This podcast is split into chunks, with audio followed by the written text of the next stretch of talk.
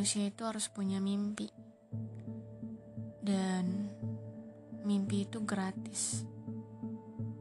Hanya manusia lemah yang takut bermimpi. Kita wajib untuk ngejar mimpi. Dan untuk wujudkan mimpi, itu butuh perjuangan, pengorbanan, kesendirian, kesetresan, dan waktu tidur.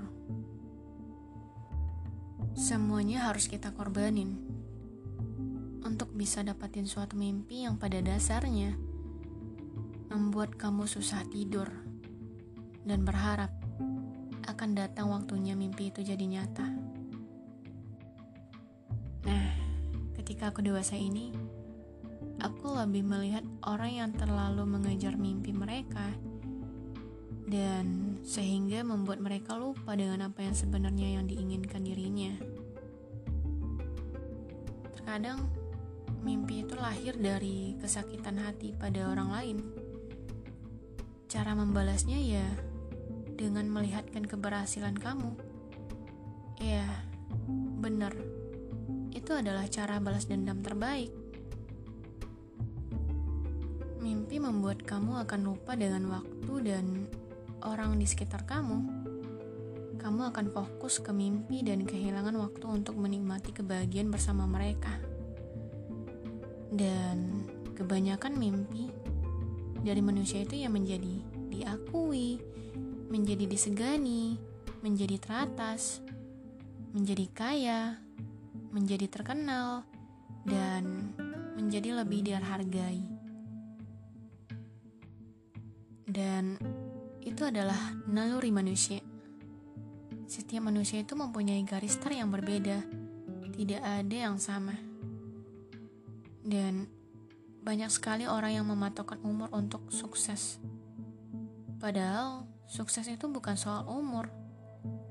Kalian boleh mulai kapan saja, asalkan kalian konsisten dan lebih tenang.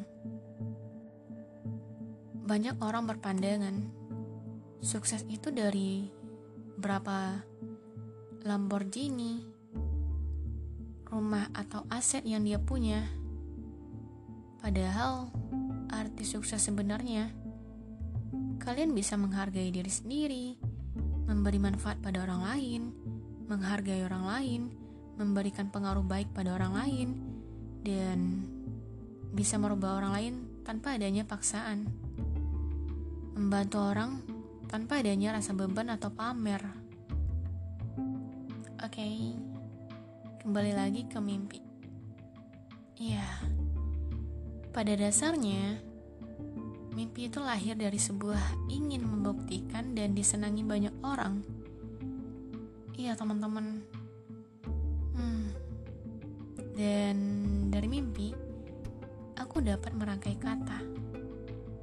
Kalian boleh ngejar mimpi tapi jangan sampai mimpi itu membunuh kepribadian kalian.